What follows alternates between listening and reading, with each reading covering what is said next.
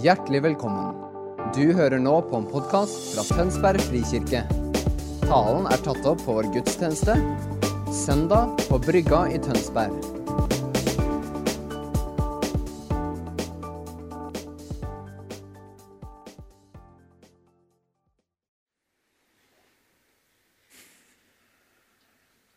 Det er ikke rart å være stille når man er sånn mange sammen og er stille. Liksom, jeg syns det føles litt rart noen ganger. Sånn, I hvert fall når vi er samla. Liksom, Meninga er at man skal prate sammen når man er sammen. Men det er et eller annet som er litt sånn unikt når man faktisk er stille. Sammen i et fellesskap. I dag så blir Dette har jeg gleda meg litt til. Eller jeg gleder meg jo alltid. Men det kommer til å bli litt annerledes enn forrige gang de av dere som var der forrige gang, så var det litt mer sånn um, Prata mye forskjellig. og var ikke så ja, Det var fint og bra, men i dag så blir det litt mer sånn teologisk, det blir litt mer strukturert. Og det blir litt annet fokus, for vi skal snakke om romerbrevet. Og det syns jeg er et veldig fascinerende brev. Og det er litt sånn, Jeg har fått introduksjonen til romerbrevet. Og så har jeg tenkt litt ok, hvordan skal jeg hva skal jeg dele med dere? Skal jeg liksom bare ramse opp masse kunnskap om når det ble skrevet? Og det er jo veldig lett å lese seg til mange av disse tingene. Men for min del så har romerbrevet faktisk vært det har vært et brev som jeg har lest mye, og mange av dere har sikkert lest mye i romerbrevet. Men sånn ca. ett år siden så er det akkurat som at øynene mine bare var helt åpna opp. Og plutselig så så jeg på en måte, hva er det egentlig dette brevet handler om. tror jeg. Så kommer jeg sikkert til å se nye ting senere. Men da var det bare akkurat som at det ble helt nytt for meg. hele dette brevet. Og noen av de tingene Målet i dag er ikke nødvendigvis å fortelle dere alt om romerbrevet. For det kan dere gå hjem og google. Og det kan dere finne ut av ganske lett. Men jeg har lyst til å fortelle noen av de nøklene som har gjort at jeg faktisk kan forstå Paulus, at jeg faktisk kan forstå Bibelen og kan forstå historien. Og når jeg forstår historien og forstår Bibelen, så åpenbarer det et bilde av Gud som jeg ikke har sett før. Det er et større bilde av Gud. Så jeg tok med en maler. En ting av de som hvert kjenner meg, og som har liksom gått litt sammen med meg nå i jula, har funnet ut at eh, jeg kaller meg sjøl for en kunstner. Og jeg har liksom funnet ut at jeg skal bli en kunstner. Jeg er veldig glad i å male, eller blitt veldig glad i å male den siste måneden. Og en av de tingene Jeg har malt ganske mange bilder. Jeg har faktisk malt sånn Seks-sju bilder, tror jeg, til sammen. Men anyway, det er en av de tingene som jeg har lært i forhold til maling, er at nøkkelen til maling dette er for kunstnerne, er faktisk at du må ha mange lag. Så Hvis du tenker at du bare skal male et bilde, og så har du bare ett lag, så blir det veldig sånn dødt. Men med en gang du begynner å ha flere lag oppå hverandre, så kan du liksom skape dybde, du kan skape lys, og du kan skape ganske mye spennende. Og Romerbrevet det er som et crazy maleri som er vanvittig innvikla. Og det er så mye teologi der, og det er så mye rettferdighet. ikke sant? Du hører bare ordet, har ikke peiling hva det betyr. Eller hadde ikke peiling. Det er så mange sånne der Guds rettferdighet åpenbart i Jesus. snakker Linda om. Og Det er sånn, det gjør vondt inni meg å si setninger uten å forklare det. For det, er så mange sånne kristenord som er så rare. Og nåde og tro. Hva er egentlig disse tingene? Så det blir sånn kaos. Men det første som er viktig for romerbrevet, er at det må ha en kontekst. Det er jo et brev, så det romerske på en måte bildet ligger bak. Det er liksom, det er bakgrunnen. Og så kommer Luther oppå det. Er det en som har prega vår forståelse av romerbrevet, så er det Luther. Er det en som har prega vår forståelse av troa, så er det Luther. Og så stiller jeg noen av, Luther har gjort vanvittig mye bra, og de åpenbaringene som han hadde, var veldig nødvendige. Men vi, de, I teologien så kaller de dette for 'new perspective on Paul'. Dette er for de som er geeks, men Det handler om at man ser mye av Paulus sin på en måte, det han har skrevet, og mye av de tingene og brevene og sånn. Man ser det gjennom et nytt perspektiv. og man tenker at De brillene som vi har sett tekstene til Paulus gjennom, har, han, har vi har sett det gjennom Luther sine briller. Så vi har trodd at alt Luther har skrevet, eller ikke alt Luther har skrevet, men alt Paulus har skrevet, har handla om at vi er frelst av nåde og ikke i lovgjerninger. Så Når vi leser romerbrevet, så er hovedtingen av det vi, som vi leser inn her, er at dette brevet handler om at vi er frelst av tro og ikke gjerninger. Og Så leser vi de andre brevene òg. Og så stiller New Perspective litt spørsmål er dette egentlig hva Paulus prøver å formidle. Eller er det bare vi, våre briller, lutherske briller? Nå begynner det å bli kaotisk. Så har vi for trekket ut noen forskjellige vers. Alle har syndet og mangler Guds herlighet, og de blir rettferdiggjort for intet av Hans nåde. Ved forløsningen i Kristus Jesus. Forløsningen, Det er jo bare masse sånne rare ord. ikke sant? Så, men vi plukker ut noen sånne favorittvers. Og så det, skriver Paulus noe om loven inne i romerbrevet. Han skriver faktisk at loven er god. Og det bryter litt med våre tankeganger om vi er liksom Takk Gud for at vi er fri fra loven. Og så skriver Paulus at loven er god. Og så leser vi salmene hvor David fryder og gleder seg over loven. Og så ser vi kanskje litt annet bilde i romerbrevet. Og så Her står det egentlig det ser jo ikke det, men det står egentlig Menighetsfakultetet. Så er det viktig, Hva, er det egentlig, hva sier egentlig teologien om romerbrevet? Hva er det egentlig forskninga sier? Hva er det egentlig som ligger bak disse ordene? Og så kommer Den hellige ånd. Hva er det egentlig Den hellige ånd sier om romerbrevet? Og så kommer noen nye vers. da, All things works together for good. Alt virker til det gode. Vi trekker ut vanvittig mye forskjellige romerbrevet. Er det et vers som er sitert mye, så er det 'alt virker til det gode'. Men hvilken kontekst er det egentlig disse tingene står i? Så er det da ingen fordømmelse for den som er Kristus. Det er sikkert kvota vanvittig mange ganger i livet. Vi har veldig mange trær. Romerbrevet består av enormt mange trær. Og vi har Noen av de trærne her, og det begynner å bli sånn halvkaotisk hvis man skal prøve å se på alle de trærne på likt. Det er i hvert fall veldig vanskelig å få en stor sammenheng i romerbrevet. Og dere ser her at Det er liksom forskjellige lag. Hvis du ser litt, så ser du på en måte at her er Roma, og så er Luther baki der, og så er det Hellig Ånd er der, Menighetsfakultetet. Og så har du liksom forskjellige trær der som vi trekker fram. Hva er det som er viktig? Så vi begynner å få et ganske komplisert maleri, men det gir ikke så veldig mye mening. Vi blir veldig fokusert på noen av de enkeltversene som vi trekker fram. Og det Utfordringa med det er at de trærne i seg sjøl er veldig fine og de er gode. Men vi mister veldig fort den store sammenhengen, for det blir litt for komplisert.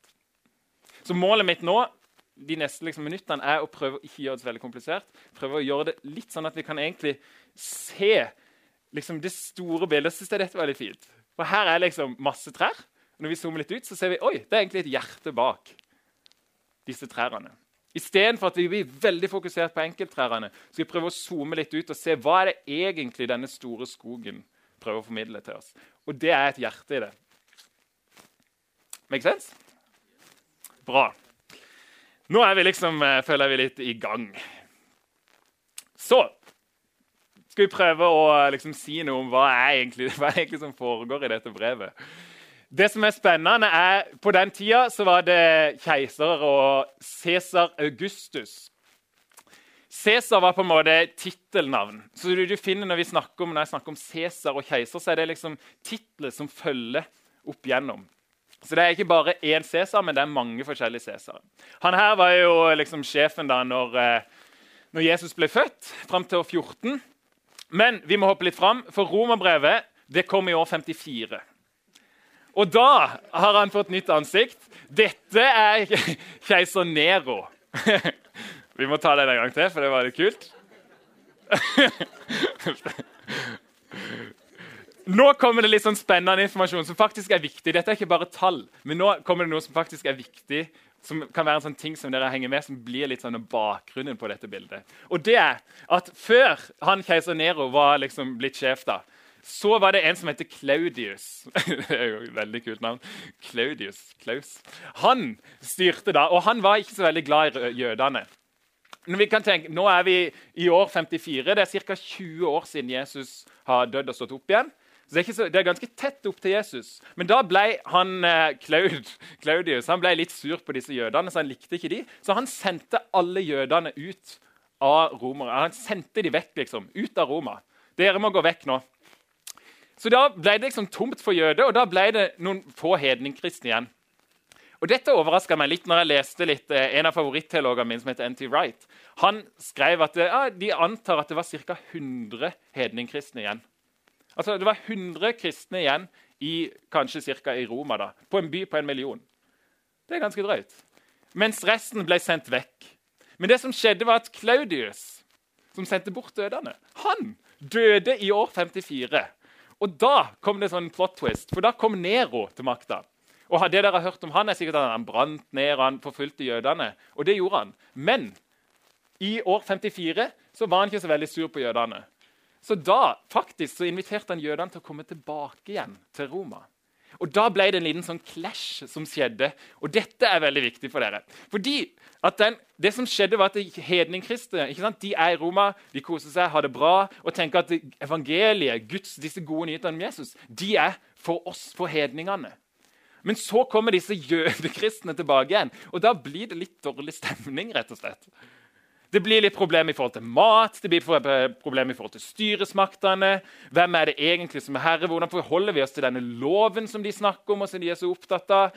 Og så blir det en sånn, Hvem sin gud er det egentlig? Er det vår gud, eller er det hedningene sine gud? Ja, men Gud har jo liksom, Han avviste jo dere jødene. Han sendte jo dere bort. Og så blir det bare en kaos liksom, som foregår. Og midt i denne tida her, i år 54, så sender Paulus dette brevet til menighetene i Roma. Og På den tida så var det jo ikke, jeg om det var kanskje 100 sånne hedningkristne som var der. Når jødene kom tilbake igjen, så ble det flere. Men vi snakker liksom ikke om sånne type Tønsberg frikirkemenigheter. Vi snakker om sånne husmenigheter. Mindre fellesskap som, for, som var og levde da.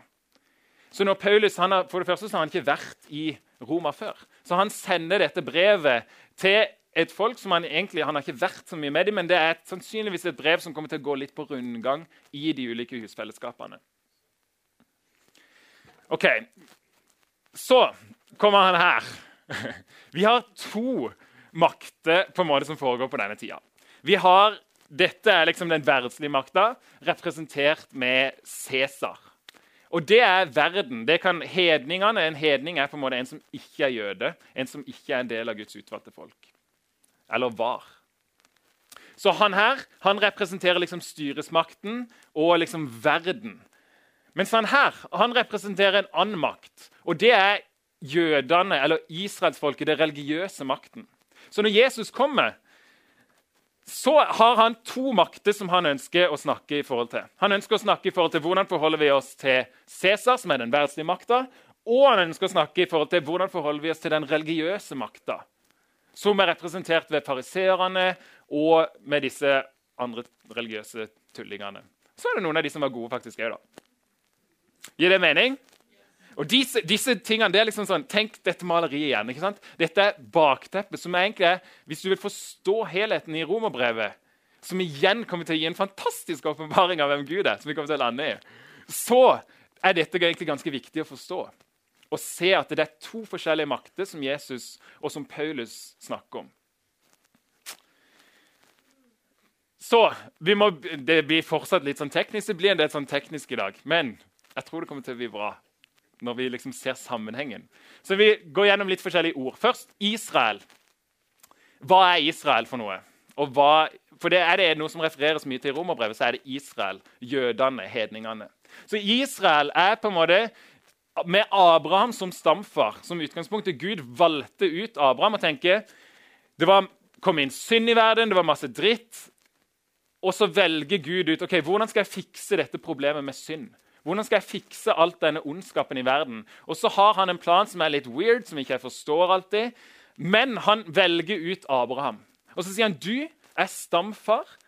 Skal, er liksom, nå er det Israel. Nå velger jeg ut et folk som skal fikse dette problemet med synd. Som skal være måte og middelet mitt som jeg skal løse problemet med synd på.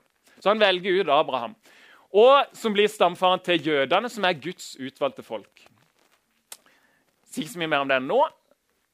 Og så kommer hedningene. Det er liksom de som ikke er jøder. Så du har de som er utvalgt av Gud til å fikse problemet med synd, og så har du de som ikke er utvalgt av Gud til å fikse problemet med synd. Gud har aldri sagt at han ikke liker hedningene. Det er ikke sånn at Gud hater hedningene. Helt fra begynnelsen av, i løftet som ble gitt til Abraham Jeg må passe på, Kjører jeg forbi dere nå? Nei? Nei, bra. Fordi Abraham? Abraham fikk et løfte at Gud ok, jeg skal fikse dette problemet med synd. Jeg skal fikse det, ondskapen, han skal fikse mennesket, og han skal fikse verden. Det er viktig at vi holder begge de to samla. For det er ikke sånn at Gud ikke skal fikse skapelsen, men han skal fikse skapelsen, og han skal fikse menneskene. Så han skal gjenopprette denne verden til sånn det var ment å være. Og da er jo Edens hage bildet på det. Det som er fascinerende, er at Edens hage er i første Mosebok 1, mens i slutten så er det nye Jerusalem. Det er en by som vi har, som kommer ned fra himmelen. Hvis du ser utviklinga fra hage til by, så er vi på ganske god vei. Anyway. Um, vi går videre. Frelse. Det er jo et vanvittig Mange av disse ordene er ikke alltid så lett. Men frelse handler først og fremst om å bli gjort heil. Så det handler om at det Gud gjør meg heil, han på en måte bringer meg tilbake igjen til det jeg var skapt å være. Så når Eivind har masse bekymringer og masse skam og masse ting som ødelegger livet mitt, så er frelsen ikke bare at jeg skal komme til himmelen en dag, men frelsen er at jeg blir gjort heil. Paulus skriver i Filippobrevet så skriver han 'arbeid på din egen frelse med respekt og ærefrykt'. Altså, det er jo ikke meg som gir meg frelsen, men jeg får lov til å være med og får lov til å komme til live og bli den personen som er heil, og som jeg var skapt til å være. Så frelsen handler om å bli heil i ånd, sjel og kropp. Ok? Kristus det er jo en sånn ting som Et ord og en tittel som blir mye brukt, i, spesielt i mye av Paulus sin, mye av det han skriver. Og Kristus, Bakgrunnen for det er på en måte Messias. Det er altså en som de venter på, som skal komme og som skal fikse dette problemet. Jødene sitt spørsmål har gjennom hele historien vært hvordan kommer Gud til å komme og fikse dette problemet med ondskap. Og så begynner de, og så mister de motet, for det, det kommer, de kommer under masse dritt og det kommer masse konger som ødelegger for dem. Og så kommer spørsmålet ja, men hvordan Gud, hvor er du? Skal ikke du fikse dette som du har lovt? Du har gitt et løfte til Abraham. Kommer du til å fikse det? Og hvordan kommer du til å fikse dette? Og Da er Messias det profetene snakker om. Ikke sant? De lover at det skal komme en fyr, det skal komme en som skal sette dem fri fra denne ondskapen. Så når Kristus kan også oversettes konge, så de venter på en ny konge. Ikke når du er under et dårlig konge, så får du det dårlig. Levde du under Hitler, så får du det liksom dårlig. Lever du under kongen i Norge, så får du det litt bedre. Lever du under Messias, som kommer, så får du det veldig bra. Make sense? Men spørsmålet til jødene var jo hele tida at vi, vi, er Guds utvalgte folk. Og det er vi, det er vi jødene, det er vår familie, som venter på kongen vår. Han er vår konge, han er ikke konge for hedningene. Han skal komme og sette oss fri, sånn at vi blir det mektigste folket. Det er det jødene sin tankegang er. Hvordan kan Norge bli dette landet liksom, som bare tar over hele verden? Vi har fått et løfte om at vi skal bli den sterkeste nasjonen i verden. Og vi venter på den personen, på den kongen som skal komme og bare gjøre Norge til den vanvittig rå nasjonen som Gud har kalt oss til å være. Det er liksom hvis det hadde vært Norge, da. Og det er, det er jødene sin tankegang. De venter på denne fyren. Og så ser jo det litt annerledes ut når han kommer, enn det de hadde tenkt.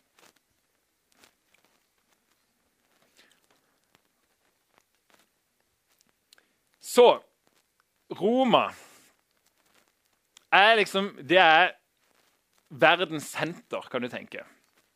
Kjernen, senteret i verden, liksom der alt skjer, der det er liksom This is it. Dette er senteret. Og det er Roma. Og Det er jo en sånn viktig del å få med i bakteppet. og se at det, okay, Her er det et bilde som blir malt ut, hvor Roma blir på en måte clashen mellom disse verdens makt, hvor liksom Roma er verdens senter. Det er der makten og myndigheten ligger.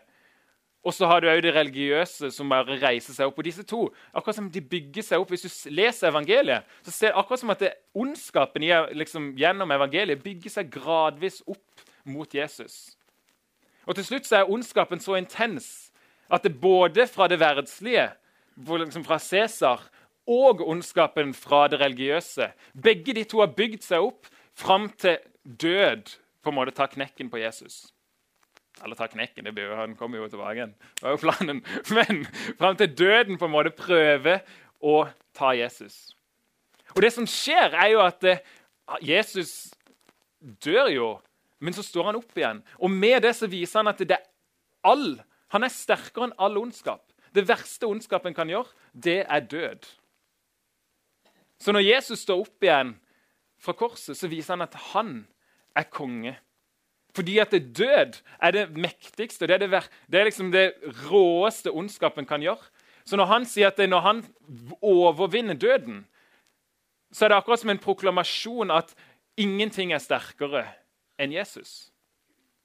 Og Derfor så kaller han seg for konge, og det ble en sabla liksom, klinsj når det plutselig kom en ny konge. Det de pleide å gjøre med de folkene som lata som de var konge på den tida, eller som prøvde å ta over makten fra Cæsar eller Nero, de lagde sånne kors, og så hang de de opp. Og så hang de der på korsene, disse folkene som prøvde å ta makten. Sånn at når folk så det var en på korset som hang på korset Det kan hange mange liksom, folk. Og råtna der i flere dager, og komme fugler og lukte, og halvdøde folk som henger rundt forbi. Skjønner, de, realiteten var at de hadde prøvd å bli konge, og derfor så tok Nero og så hang han de opp på disse korsene, sånn at ingen andre skulle prøve å bli konge. For du blir så redd Hvis du prøver å bli konge, så kommer du til å ende opp på det korset. Og Paradokset er jo at det, det er jo akkurat på korset det som Nero brukte på en måte til å fjerne de som hadde lyst til å bli konge, det er akkurat på korset at Jesus faktisk blir konge. Når han dør og overvinner døden og står opp igjen.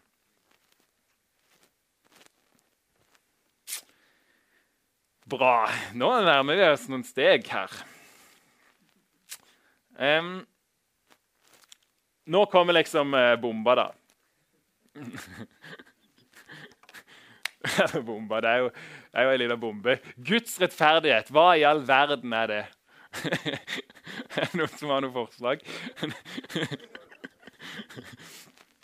Tilbake til Abraham.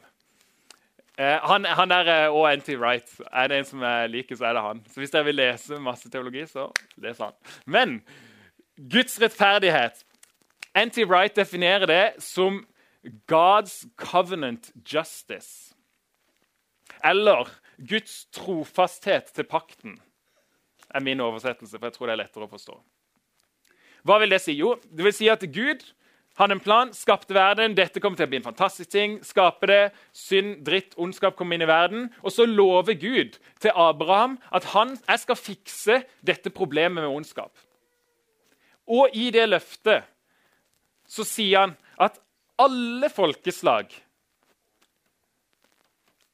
Jeg skal ikke bare fikse det for Israel, men målet er å velge ut Israel som middelet, altså jødene som middelet for å fikse dette problemet. Men hensikten helt fra begynnelsen var at alle folkeslag, hele verden, alle folkeslag skal komme og tilbe. Alle folkeslag skal dette bli gjenoppretta for. Og Det løftet har liksom vært det løftet som de har frustrert seg over gjennom hele Gamle testamentet. Det er historien til israelsfolket. De frustrerer seg over men når, kom, når skal Gud fikse dette løftet som han har lovt oss. Når skal han komme og løse oss ut? Og Så venter de på det, så er de frustrert, og så kommer det profeter. og dom, bom, skjønner Men Guds rettferdighet kan oversettes. Når jeg leser det nå, så tenker jeg det er Guds trofasthet til pakten. Altså Det er Gud kommer til å gjøre det han har lova. Gud kommer til å fikse problemet med synd. Gud er rettferdig. Det er en litt annen måte å tenke rundt det ordet på. Men prøv å lese romerbrevet. Men hver gang du leser Guds rettferdighet, så leser du at Gud er trofast til det løftet han har gitt. Det kommer til å endre ganske mye. I hvert fall har jeg gjort det for meg. For Før så forsto jeg det ikke, men nå når jeg leser det, så blir det sånn det gir mye mer mening. Så må jeg gå litt eh, videre. OK. Nå kommer vi liksom til litt sånn eh, utskytingsramper. Oi, vi, har, vi, må gå fort nå. ja, det skal vi få til. Um, dette er første versene, prologen, liksom introen. Og da vil jeg, liksom det vil jeg peke på her, er at han har gitt løfte om gjennom profet og hellige skrifter. Så altså evangeliet, det som er litt fascinerende, er at evangeliet kan jeg, og liksom Forståelsen av det ble et ord som ble brukt om når det var en ny konge som ble født. Så altså Når Cæsar ble født, så det liksom, gikk folk rundt med et evangelium om gode nyheter om at nå er det født en ny konger, konge. Så Når han sier at evangeliet om Gud, så er det liksom, det er født en ny konge som det er gitt løfte om gjennom profetene og gjennom de skriftene. Så nå er denne kongen kommet. Eh, Kristus igjen, det er liksom det er Messias, det er evangeliet, de gode nyhetene om at det er født og at det er kommet en ny konge. Davids ett han knytter det med en gang til et kongehus. Ikke sant? Cæsar, det verdslige kongehuset, og så har du Davids kongehus, som er et 1000 år gammelt kongehus. Og så sier han dette er historiens Gud som har kommet i Jesus. Han vil si at det, den Gud som har vært i historien, som ga løftet til Abraham, det er den guden som nå er kommet til jorda i Jesus for å sette fri. Guds mektige sønn, En kul ting er at eh, Cæsar på den tida, eller disse folkene, de kalte seg selv for Guds sønn. Det var en tittel som de brukte. Så disse verdslige kongene de var Guds sønn. Så når Jesus kaller seg selv for Guds sønn, så setter han seg veldig opp imot de der verdslige herrene som sa at de var Guds sønner. Så dere ser liksom parallellen hele veien. da. Um, her igjen Oppdraget er å føre alle folkeslag til lydighet. Poenget hele veien har vært at Gud ønsker å bringe både hedningene og jødene sammen. Men han bruker, bruker israelsfolket som middelet for å bringe dem sammen. Og det, Hvis du ser det teppet gjennom romerbrevet, så får du vanvittig mye spennende mat. For det er det Paulus snakker om hele veien. Veldig veldig mye så handler det om at eh, nå er evangeliet, nå er de gode nyhetene både for jødene og for hedningene. Og begge to får del i det. Og Så snakker han fram og tilbake om denne klinsjen, og han snakker om litt konkrete ting etter hvert. Men de første delen av brevet bruker han på å male ut at hensikten hele veien har vært å bringe alle folkeslag, både jøde og greker.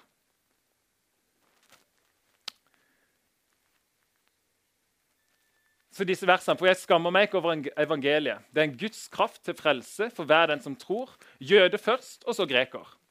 Igjen, Poenget er det er for alle sammen. For i det, i evangeliet, i de gode nyhetene om at Jesus, om kongen som er kommet, så åpenbares Guds trofasthet. Så Jesus er på en måte svaret på dette spørsmålet jødene har hatt gjennom hele historien. Hvordan skal Gud fikse problemet med synd og ondskap? Og så ønsker Paulus å vite at det svaret er Jesus. Og nå er det løst. Og nå er løsninga for alle. Ikke bare for jødene som har tenkt at det er bare for oss, men nå er det faktisk for alle. Og det ble litt utfordrende for mange av dem. Um, jeg tror vi må hoppe over det. Vi må komme litt sånn til slutt nå, for nå begynner det Det er liksom dette som blir bra, da. Spørsmålet mitt er det store bildet her er er Gud trofast. Det bakenforliggende, den store skogen av romerbrevet, hvis du skal forstå og lese det, les det med brillene, er Gud trofast. For det Paulus prøver å peke på hele veien, at Gud er trofast til det løftet han ga. Og det løftet var at alle folkeslag skulle få del i det. Så spørsmålet mitt er tror egentlig vi at Gud er trofast. Det er mange ganger som ikke jeg tror at Gud er trofast. Og jeg ønsker å trene meg på å faktisk gjenkjenne når jeg tror at ikke Gud er trofast. For jeg vet jo i hodet mitt at han er trofast, men jeg tror det ikke alltid i hjertet mitt at han er trofast. Og hvordan i tilfelle er Gud trofast? Det var det de der eh, israelsfolkene og jødene spurte seg hele veien. Og de sitt bilde på Guds trofasthet var at Gud skulle komme som en sånn der mektig Cæsar og fikse slakte ned alle som ikke var jøde. Og så blir det en helt annen historie. Han er trofast på en helt annen måte enn det de hadde forventa. Og sånn er det i mitt liv òg. Gud er trofast veldig mange ganger på en helt annen måte enn det jeg forventer. Og jeg tror det er sånn i våre liv at Guds trofasthet ser annerledes ut noen ganger enn det vi forventer. Så hva er ditt nyttårsforsett? Er det noe vi er gode på, så er det å lage nyttårsforsett. Og jeg vil liksom spørre, hvor mange ganger har du hatt nyttårsforsett om å lese mer i Bibelen? Jeg har hatt det ganske mange ganger. tror jeg. Dette året skal jeg lese masse Bibelen. Nå skal jeg gjøre det. Nå skal jeg fikse det. Nå skal jeg løse alt. Ehm, så det er ikke sikkert du har hatt det så mange ganger, men noen ganger kanskje. Og så er det en sånn invitasjon og opplevelse at Gud har endra måten som jeg tenker litt på i det siste. Det er litt sånn her av og til det foregår med sånn nyttårsforsett, i hvert fall for min del.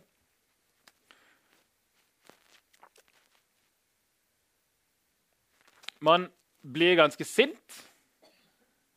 Man velger at jeg skal fikse dette, jeg skal løse dette.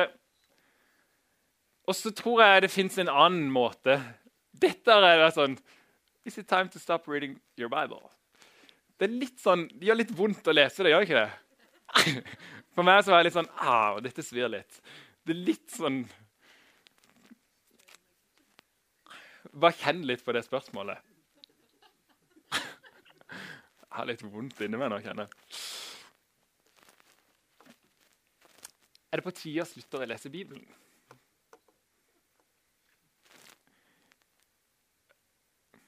Sånn, hvor vil Eivind med dette? Eivind vil med dette at jeg har sett så mange ganger hvor jeg skal sette et nyttårsforsett. Jeg skal fikse det sånn at livet mitt blir bra. Jeg, jeg, skal lese mer i Bibelen. Jeg skal gjøre mer sånn her. Jeg skal gjøre, be mer. Jeg skal gjøre mer av dette og dette og dette. Og så er det sånn at hver gang jeg gjør noe, og Gud kommer, så tror jeg automatisk at Gud kommer fordi at jeg gjorde noe. Men hvis jeg ikke gjør noen ting, kommer Gud til å komme da? Tror jeg faktisk at Gud kommer til å komme og møte meg hvis ikke jeg gjør noen ting? Og Det har jeg funnet ut at det er jeg litt usikker på. faktisk. Og Derfor så trener jeg på å ikke gjøre noe noen ganger. For Guds trofasthet er en rar ting. Kan, kan, vi egentlig stole på at Gud kommer til å gjøre det han har lovt? Og hvor mye skal vi gjøre? Og hva er min rolle i dette? Og Det kan ikke jeg gi noe svar på, men det er i hvert fall gode spørsmål du kan spørre Gud. Og er det sånn at eh, hver gang jeg, Selv om jeg har satt et nyttårsforsett om at jeg skal prøve å lese mer i Bibelen i tiår, så kan hvis jeg ser på livet mitt, så ah, kanskje ikke jeg har begynt å lese mye mer i Bibelen enn det jeg har gjort. Så kanskje ikke liksom, greia er å prøve å lese mer i Bibelen. Nå sier ikke at vi skal slutte å lese Bibelen, men hvis det er et spørsmål som trigger deg, så vil jeg anta at det kanskje det ligger noen, en liten sånn hm, Gud, er du egentlig trofast? Hvis jeg stopper å lese Bibelen, hva skjer da? Hvis jeg stopper å gjøre mine kristne, religiøse handlinger, hva vil egentlig skje? Er du trofast, Gud? Kommer du til å komme? Og så tror jeg at eh, fram til at jeg faktisk tillater meg sjøl å, å være trist, så får jeg ikke møtt trøsteren. Fram til jeg tillater meg selv å være sint, så får jeg heller ikke møtt hvordan Gud møter meg i sinne. Og fram til jeg innser at, Gud, at jeg faktisk ikke tror at Gud er trofast, så er det ikke sikkert at jeg får lov til å, helt å møte det fulle bildet av Guds trofasthet. Så utfordringa er nødvendigvis ikke at du skal slutte å lese Bibelen. Men istedenfor at man skal finne ut ah, skal jeg lese mer i Bibelen, skal jeg gjøre det og det, og det, så kanskje spør hva er egentlig motivasjonen min bak for å lese i Bibelen. Hva er egentlig greia bak dette her?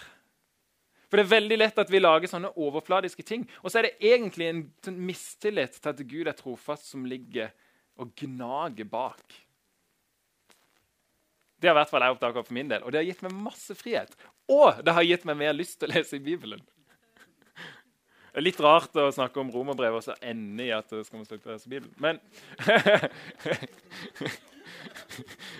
Men jeg tror at det vokser fram fra innsida når vi tør å gå noen av de veiene. Mm.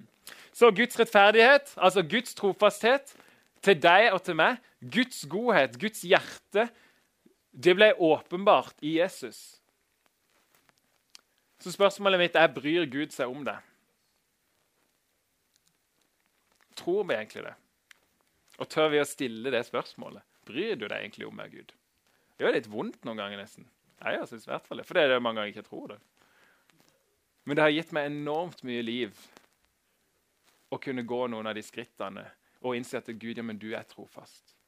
Å kunne se at det egentlig det store bildet som Gud prøver å fortelle i denne boka, her, er at det, det er ikke troa bare til 'jeg skal bare tro', men det er troa på at Gud kommer til å gjøre det han har sagt han skal gjøre. Så min tro er ikke bare tro, men det er troa på at Gud er en Gud som kommer til å gjøre det han har sagt han skal gjøre. Og det ble vist og åpenbart i Jesus. Så Når jeg leser romerbrevet, så ser jeg en kjærlighetshistorie av en Gud som lengter etter sin brud. Som lengter etter jødene, og som har lengta etter ham i 2000 år. Og som endelig får bruden sin, som endelig får han lov til å se at han blir satt fri. Og så er bruden ikke bare jødene, men det er faktisk alle sammen. Da kan eh, lovsangsfolkene komme opp. Nå, veldig, nå føler jeg veldig lyst til å skulle ha sånn åh, spørsmål, men det kan vi ikke gjøre nå. Hadde du vært på bibelskolen, kom på Tønsberg bibelskole, da kunne det vært sånn. For jeg føler jeg bare kasta ut mye. Men hvis du sitter igjen med 'les Guds trofasthet' som bakteppe til romerbrevet, så tror jeg du kommer til å få vanvittig mye spennende. Og les det som bakteppe til ditt eget liv.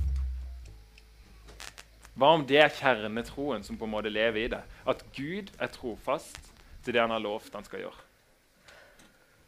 Jeg ber en bønn til slutt. da. Jesus, du er vår Herre og vår konge. Du er den som åpenbarer Guds hjerte. Du er den som har åpenbart at Gud bryr seg om oss.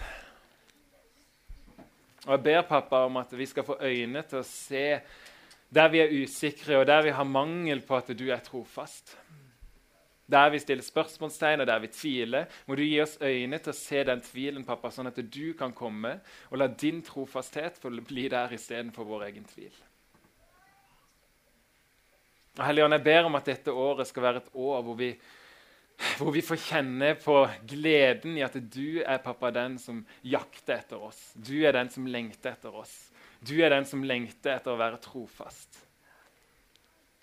Jeg ber om din fred, om din glede. Og så ber jeg om en sånn ny iver til, pappa, til å lese ditt ord og til å se hvem du er, og til å se de fantastiske åpenbaringene og det fantastiske bildet pappa, som du har malt foran oss. Og ber om at hver ene sånn, alle disse ordene som er utfordrende å forstå, og all teologien og rare tingene, pappa, jeg ber om at du skal gi oss åpenbaring på det. Gi oss øyne til å se, sånn at vi kan zoome ut og se denne fantastiske dansen som du har invitert oss inn i, pappa. Jeg taler ut over hver eneste en av oss.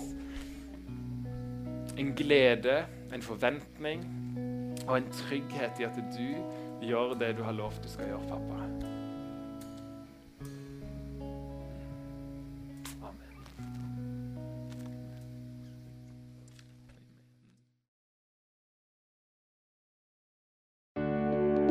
Takk for at du hørte på vår podkast.